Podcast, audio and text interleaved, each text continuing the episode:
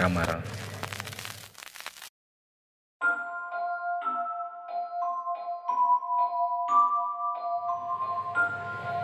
Oke, bertemu lagi di episode berikutnya di podcast LDK. Kali ini kembali kita kedatangan narasumber. eh, ini pengalaman di mana Mas? Jogja atau di mana nanti? Jogja di rumah Di Jogja ya. di Jogja. Seorang narasumber eh, berasal dari Jogja dan mungkin tanpa kita menunggu lama, eh, sekarang kita dengarkan ceritanya. Dikenalkan dulu Mas ya. Ini nggak ganti-gantian gitu. nih. Enggak, langsung. Tuh, Tapi kamu nggak nanggepin? Nanggepin Oh, tau. nanggepin. Seben- Sebenarnya nggak ada ini sih, nggak ada cerita yang beneran serem gitu. Mbak, apa ya? Ada beberapa cerita. Yang satu cerita dialamin sendiri tapi cuman suara-suara gitu. Yang satunya eh, cerita di dekat rumah. Dari cerita orang-orang gitu. Iya cerita orang tapi itu deket banget sama rumah dan itu apa ya kayak hampir nggak mungkin kalau itu bohong karena itu bukan cerita yang jauh dari rumah itu cuman cuman di seberang rumah aja kan. Berarti yang orang lingkungan situ tuh kayak mengiyakan cerita Iya, itu. iya itu dan itu kejadian bukan kejadian Oh kejadian. kejadian bukan yang mitos gitu tapi paling paling dari yang ini dulu aja yang dialamin sendiri tapi Iya. nggak nggak nggak terlalu serem sih karena siang karena siang Siang. siang jadi sebenarnya eh, ini kejadiannya di di waktu aku kuliah Waktu masih kuliah. kuliah ngekos di Jakal Atas itu di belakang gereja apa lupa aku Banteng gereja Banteng Jakal KM yang dekat tujuh tujuh KM 7. Oh ya tahu. iya KM 7. deket situ nah di situ Ini kawas settingnya tahun berapa Mas? ya, 2010 mungkin ya 2010 2011 2010. Hmm. Nah di situ tuh eh, tempatnya tuh masih desa tapi ya rame, enggak enggak desa sih sebenarnya udah kota tapi masih Masih agak sepi. Eh, enggak enggak rame juga. Masih ramai ya? Tapi bangunannya tuh bangunan-bangunan yang Jawa bukan bukan bukan Jawa ini ya, bukan Jawa klasik ya. Bangunan yang sederhana gitu, yang enggak aneh-aneh. Ya. Yang tahu kan rumah yang biasa enggak enggak enggak enggak rumah yang di sana tuh rumah-rumah sederhana gitulah enggak enggak ah, pengen gaya ini pengen gaya itu enggak Iya. ada nah jadi ngontrak berempat sama temen tuh temen SMA semua Kebetulan lagi kuliah di Jogja beda-beda kampus tapi ngontrak bareng nah di belakang itu itu tuh ada sumur gitu sumurnya tuh yang beneran kalau buat syuting film horor pas banget Di belakang kontrakan itu. iya tapi tapi di dalam tembok tahu kan tembok Oh, tahu, tembok tahu. rumah orang gitu loh Iya. yang nggak ada atapnya nah itu di dalam tembok tapi di belakang belakang rumah masih rumah kita Hmm. masih rumah kita jadi kalau kita bu- buka pintu belakang itu ada sumur di dalam tembok nah di situ ada pintu lagi nah itu baru keluar Oh, baru keluar tembok itu. keluar rumahnya baru keluar rumahnya jadi sumurnya di dalam Teras belakang Ah. gitu ya. nah air sumur itu yang ngalir ke Pak Mandi kita Oh. Pak Mandiku, Pak Mandi teman-temanku, eh kontrakan itu kan. Nah, itu tuh lumut semua. Udah dari atas itu lumut karena itu ditutup. Jadi sumurnya itu dipakai untuk langsung ngisi ke bak. Jadi nggak ditimba gitu. Apa kayak mesin gitu enggak? Mesin, ya pakai pompa. Jadi Oh. nggak ada gunanya dong dibuka kan. Itu ditutup nutup, tapi masih kelihatan nutupnya pakai papan gitu loh. Mm. Nah, di situ tuh sebenarnya nggak ada kejadian spesifik yang serem tentang sumur itu. Tapi itu tuh udah kalau kita maksudnya Melihat. eh, kalau kita ngelihat bentuk sumur itu kayaknya nggak mungkin deh Ah. di di tempat kayak gitu nggak kita nggak apa ya nggak ada apa-apa. nggak ada apa-apa gitu tuh nggak mungkin gitu walaupun ya mungkin sotoy tapi kayaknya tuh udah udah serem banget gitu loh karena kalau kata orang Jawa kalau ada yang air-air gitu dan dibiarin lama itu nggak bagus katanya nanti ditempatin karena katanya kan yang kayak gitu sukanya di tempat lembab kan Oh iya benar. iya kan ya. benar suka tempat lembab dan tempat yang dibiarin Ah. Nah, jadi ini dua kan, tempat lembab dan tempat dibiarin. Walaupun itu kontrakan, tapi tapi bagian belakang itu nggak kesentuh. nggak kesentuh karena anak kontrakan kan laundry ya iya di situ kan paling cuma buat ini kan jemur pakaian tapi selain itu nggak ada aktivitas di belakang itu nggak ada jarang ya beraktivitas di da- Iya. daerah belakang Hmm. ini rumahnya dari Mas Beni mulai kontrak sama sebelumnya itu lama jaraknya ditempatin atau sebelumnya Nah, itu kurang ada? kurang tahu juga sih. Tapi yang pasti ya itu sumurnya dibiarin cuman airnya aja yang dipakai ngalir ke situ. Dan kadang-kadang airnya masukkan kemasukan lumut. Iya. kayak kalau nggak salah kita pakai saringan deh. Nah itu tuh udah bentuknya nggak enak. Nah pengalamannya itu adalah kalau yang aku ngalamin sendiri itu waktu pulang. Jadi pulang dan kita tuh nggak nggak nggak eh, nggak barengan gitu kadang. Dan di situ tempat itu sering ada teman dari Wates. Kan aku rumahnya di Wates itu di Jogja kan. Datang ya nggak nggak ngekos tuh biasanya numpang gitu loh. Wah mau main nih siang-siang. Nungguin kuliah mungkin terus main di situ. Nah aku sama temanku dia nungguin aku karena yang bawa kunci kan aku. Menungguin di rumah situ? Mm-mm, tapi siang. Di luar kan nungguin di luar. Terus pas aku udah nyampe pas mau buka itu ada suara kaleng jatuh dari dalam. Dari dalam dan itu gede banget kayak kaleng kaleng apa sih? Kaleng yang kotak Kongguan. kongguan gitu. Dan itu kenceng banget dan jatuh gitu. Nah kita mikir kan eh, pasti nggak apa ya itu nggak ada orang kan di situ. Itu beneran posisi pintu terkunci. Mm-mm, dan kita punya grup WhatsApp kan. Ah, dan di situ aku udah orang itu nunggu aku karena yang paling cepet balik di antara kita berempat tuh aku gitu loh. Nah pas kita denger itu ya pikiran pertama kita maling dong. Maling kan. Oh yang denger itu berdua? Berdua. sama temannya Mas iya, itu iya. makanya aku aku yakin banget aku nggak salah dengar kan gitu. Dan itu jatuh. Pas jatuh itu kita ya pikiran pertama maling. Udah kita buka udah siap-siap ngambil ini tapi kita nggak nggak kepikiran manggil orang dulu. Karena Iya. antara maling atau kucing nih ya kita ngambil pentungan gitu di depan kan ada di halaman kita ngambil kita masuk nggak ada apa-apa rapi. Dan kita baru ingat kalau kita tuh nggak punya kaleng kungguan sama sekali. Serius mas? Serius kita muter di situ nggak ada. Dan itu kan kamar kalau kontrakan sama teman sendiri itu nggak dikancing kan? Iya. kamar-kamarnya kita bukain semua. Nggak ada sama sekali.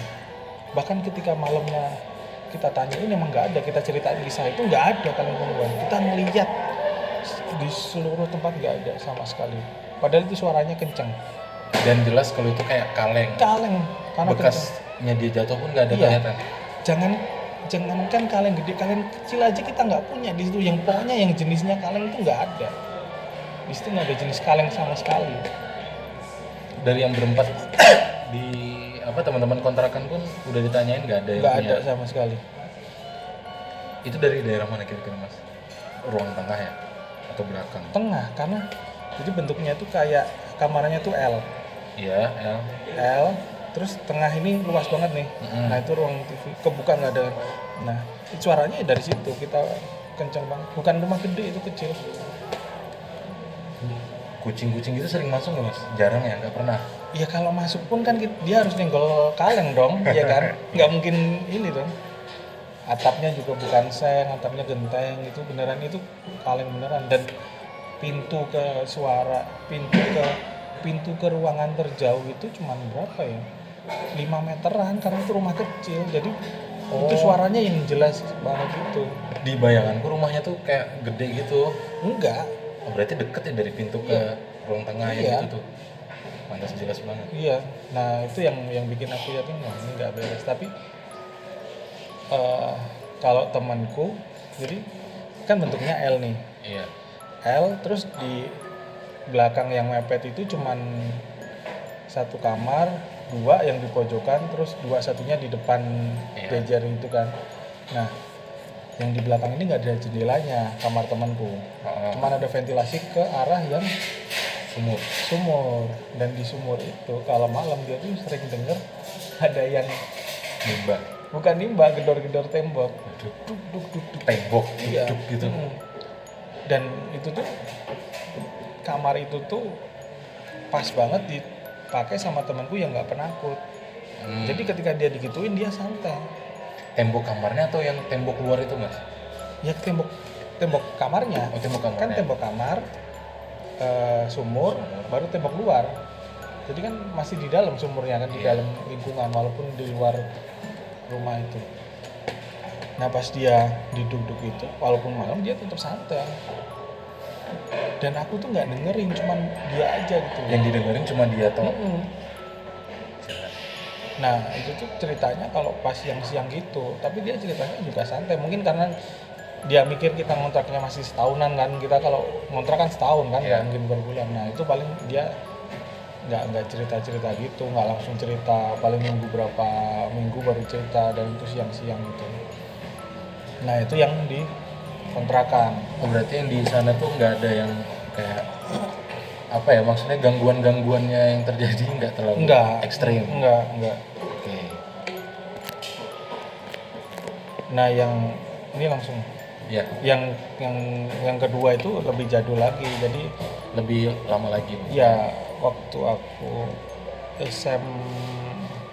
SMP atau SMA lupa aku nah di Wates itu kalau menjelang 17 Agustus itu ada lomba voli itu lomba voli Ya. antar RT dan di situ di Wates itu rumahnya masih bukan jauh ya tapi kita masih punya di antara rumah-rumah itu ada lahan perkebunan jati gitu tapi bukan perkebunan jati yang kayak orang itu beneran jualan jati enggak cuman mereka punya lahan aja tapi nggak tahu mau diapain akhirnya pakai dipakai kebun jati.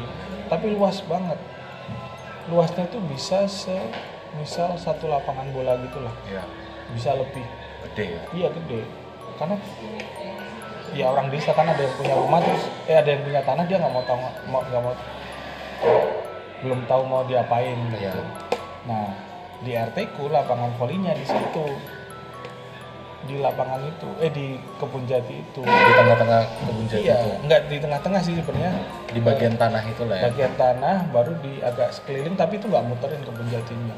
Cuman di situ masih ada beberapa rumah warga gitu satu dua. Eh astagfirullah.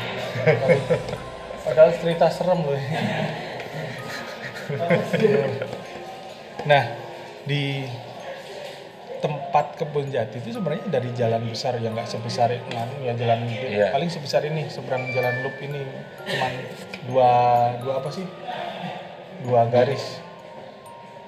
Jalan yang pokoknya cuman satu ini satu mobil satu mobil buat dua Oh, mobil gitu iya, lah. iya. tapi rame.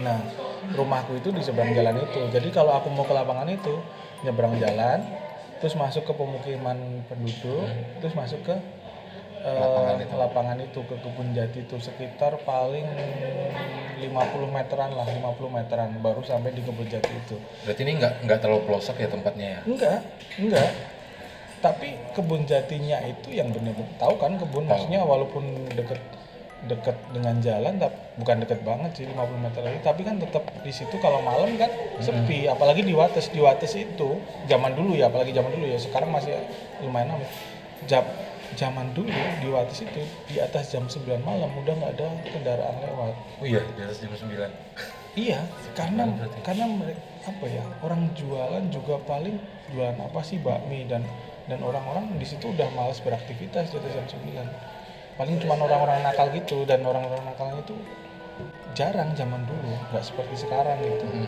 dan itu bikin sepi banget kan. Nah pas sebelum kebun jati masih di lingkungan kebun jati tapi di apa ya di di dekatnya situ ada sumur. Sumur lagi nih iya sumur beneran. Karena di situ tuh yang di kebun jati itu tuh sumurnya masih masih semi semi dipakai. Zaman dulu kayaknya masih semi semi dipakai kalau sekarang nggak tahu. Jadi di situ kayaknya sih masih ada rumah warga yang nggak punya kamar mandi. Ah. Jadi, itu sumur eh, eh, gabung sama kamar mandi. Jadi kalau kamu pernah di Jogja tuh banyak banget. Jadi kamar satu komplek nih ngelingkarin sumur sama kamar mandi. Ada tembok gitu. Nah di tembok yang melingkarin kamar mandi sendiri itu nanti ada kayak tempat buat ngasih air. Paham nggak? Dari sumur ke Iya. kamar mandinya itu. Nimba langsung dituang di situ yang nyambung ke bak mandi. Pernah lihat belum? Pernah pernah pernah. Yang bentuknya kayak apa sih? Kayak segitiga gitu keluar tembok. Keluar tembok kamar mandi. Jadi masuk Oh iya, ke situ. ya nah itu gunanya ke situ buat a- air sumurnya nanti dituangin ke dituang ke bak situ. bak mandi. Nah itu masih ada beberapa warga yang kayaknya pakai kamar mandi itu. Dan itu pasti kalau karena itu sama rumah terdekat itu jaraknya kalau nggak salah 10 10 apa 20 meter cukup dekat berarti ya Iya, jadi kan ya? tapi kan itu nggak mepet rumah. Artinya itu dipakai buat barengan kan, bukan buat sendiri. oh itu jatuhnya kamar mandi umum berarti untuk Iya, nggak nggak umum-umum banget tapi karena itu bukan tempat ini kan, tempat umum iya bukan tempat umum kayak disewain buat apa kan itu emang kamar mandi umum tapi buat warga di situ. Hmm. Jadi ya paling tiga rumah itu yang pakai. Nah, pas mau jadi volinya ini selalu malam hari karena ya namanya orang kerja kan. oh mainnya malam. Mainnya pasti malam dari paling jam 8 dan itu sampai jam 12 malam. Nah di situ tuh kalau mau ke lapangan voli antara sumur sama lapangan voli itu sekitar 30 kayaknya 30 meteran gitu. Jadi di lapangan volinya terang karena ada lampu ke lapangan. Iya. Tapi kan orang ngeliat ke situ semua nah di belakangnya ini kan gelap. Iya. Oh, di Ada- kamar mandi itu gelap. Gelap. Baru ada lampu lagi di rumah. rumah. Karena di kamar mandinya itu kan pasti orang kalau malam-malam jarang banget aktivitas. Jadi nggak dikasih lampu. Kalau orang mau ke situ ya bawa penerangan sendiri gitu loh. Jadi eh, kebunnya itu tetap gelap. Karena terangnya ngarah ke lapangan semua Lapangan kan. jadi semua. sekelilingnya gelap. Kamar mandinya juga gelap. Nah ada satu tetangga yang mau nonton ke situ. Lewatin kamar mandi lihat anak kecil. Anak? Anak kecil. Heeh. terus di deketin ternyata anaknya tetangganya. Anaknya tetangganya itu? Terus dia tanyain ngapain di situ kamu? Gitu. Ini nungguin ibu gitu. Ibunya Di kamar mandi. kamar mandi. Terus Hah? mana? Kok nggak ada suara air? Gitu. Ini anu kok tadi ibu di sini? Habis dilihatin kamar mandinya kosong. Aduh itu kosong beneran itu tetangga. Jadi kan dia ngecek karena ya namanya anak kecil dan gelap kan kalau malam kan pasti bawa penerangan sendiri Iya. kan dia udah curiga itu kalau kok nggak ada penerangan juga. Oh dia nggak bawa senter atau apa gitu anak kecilnya? Enggak gitu. Walaupun ada cahaya yang nyiprat tapi cahayanya yang dari lapangan voli atau rumah itu kan masih nggak nggak kuat gitu. Iya. paling cuman orang yang tetangga lewat tadi cuman ngelihat anak kecilnya itu kan Mhm. iya kan? Nggak sampai yang eh, jadi dia paham bahwa cahaya yang kena dikit ke kamar mandi itu asalnya bukan dari kamar mandi. Bukan dari orang yang ada di dalam Iya. kamar mandi karena nggak ada. Nanyain mana? Ini tadi ibu kamar mandi. Dilihatin nggak ada. Nggak ada. Terus akhirnya karena eh, dia kenal dan tetangga di kampung kan pasti kenal kan. Iya. dibawa ke lapangan voli. Ternyata itu ibunya ada di lapangan voli. Ibunya di lapangan voli? Di lapangan voli. Dan dia nggak ke mana-mana sama sekali nggak pamit sama anaknya.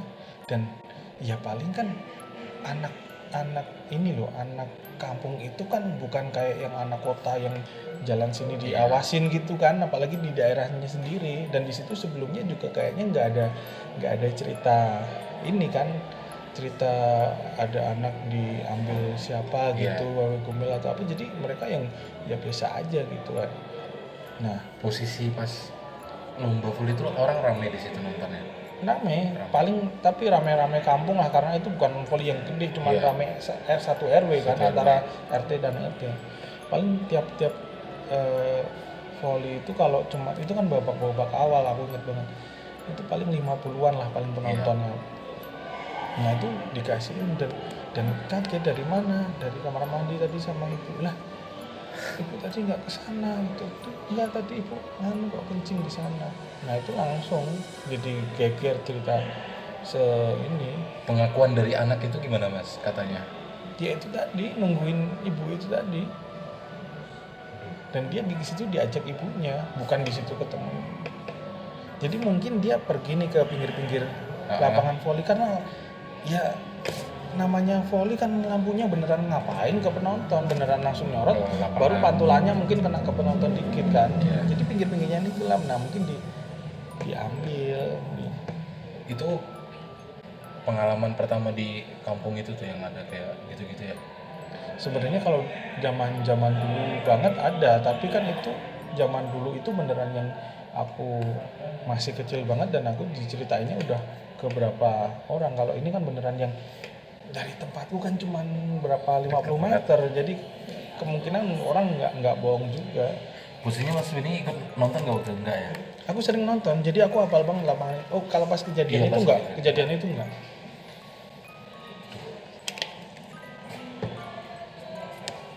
itu itu serem juga. Iya. tapi kalau yang yang deket-deket ini sebenarnya diceritain ibuku juga tempatnya nggak terlalu jauh sih sekitar 100 meteran ini pas aku udah di Jakarta ini baru-baru kejadian ini. Enggak, maksudnya udah aku bukan domisili Jogja lagi. Oh, iya. Udah tinggal di Jakarta terus di situ ibuku sama buleku kan di situ ada warung kan. Si mbahku udah udah nggak ada pokoknya ibu sama buleku. Nggak tahu adikku masih di situ atau enggak kayaknya udah enggak. Itu ada orang benerin listrik ini Meninggal. meninggal Kesetrum nih. kesetrum. Itu kalau kalau kamu pernah ke Wates itu tempatnya di salah satu deket yang jualan bakmi yang terkenal di Wates di situ. Listrik di rumah atau yang listrik di jalan itu, Mas? Di- bukan di jalan kalau nggak salah itu lampu rumahnya itu. Jadi lampu rumahnya itu yang ke arah jalan. Di depan Mati. rumahnya gitu ya. Iya. Ah. Nah di situ kayak kayaknya itu tiangnya tinggi jadi dia manjat. Mhm. Nah itu di situ ini apa karena mungkin tegangannya tinggi atau apa itu sampai mental dia beneran sampai jatuh. Oh, dari atas tuh jatuh Iya. mm-mm. Dan di situ selang berapa hari di situ ada yang diliatin. Nah ibu ibuku yang cerita dia diceritain di situ diliatin yang yang itu yang Yang meninggal itu. Heeh. Tapi di jalan jalan besar ya yang yang masih satu sambungan sama jalan depan rumahku itu. Di kalau di lokasi yang nggak jauh dari kejadian itu. Mm-mm. Mm-mm. Di situnya malah di tempat kejadian Oh, di tempat kejadiannya. Diliatinnya lagi apa gitu, Mas? Katanya.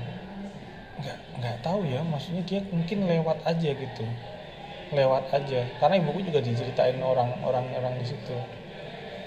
Itu warga situ juga ya, Hmm, yang punya rumah. hmm.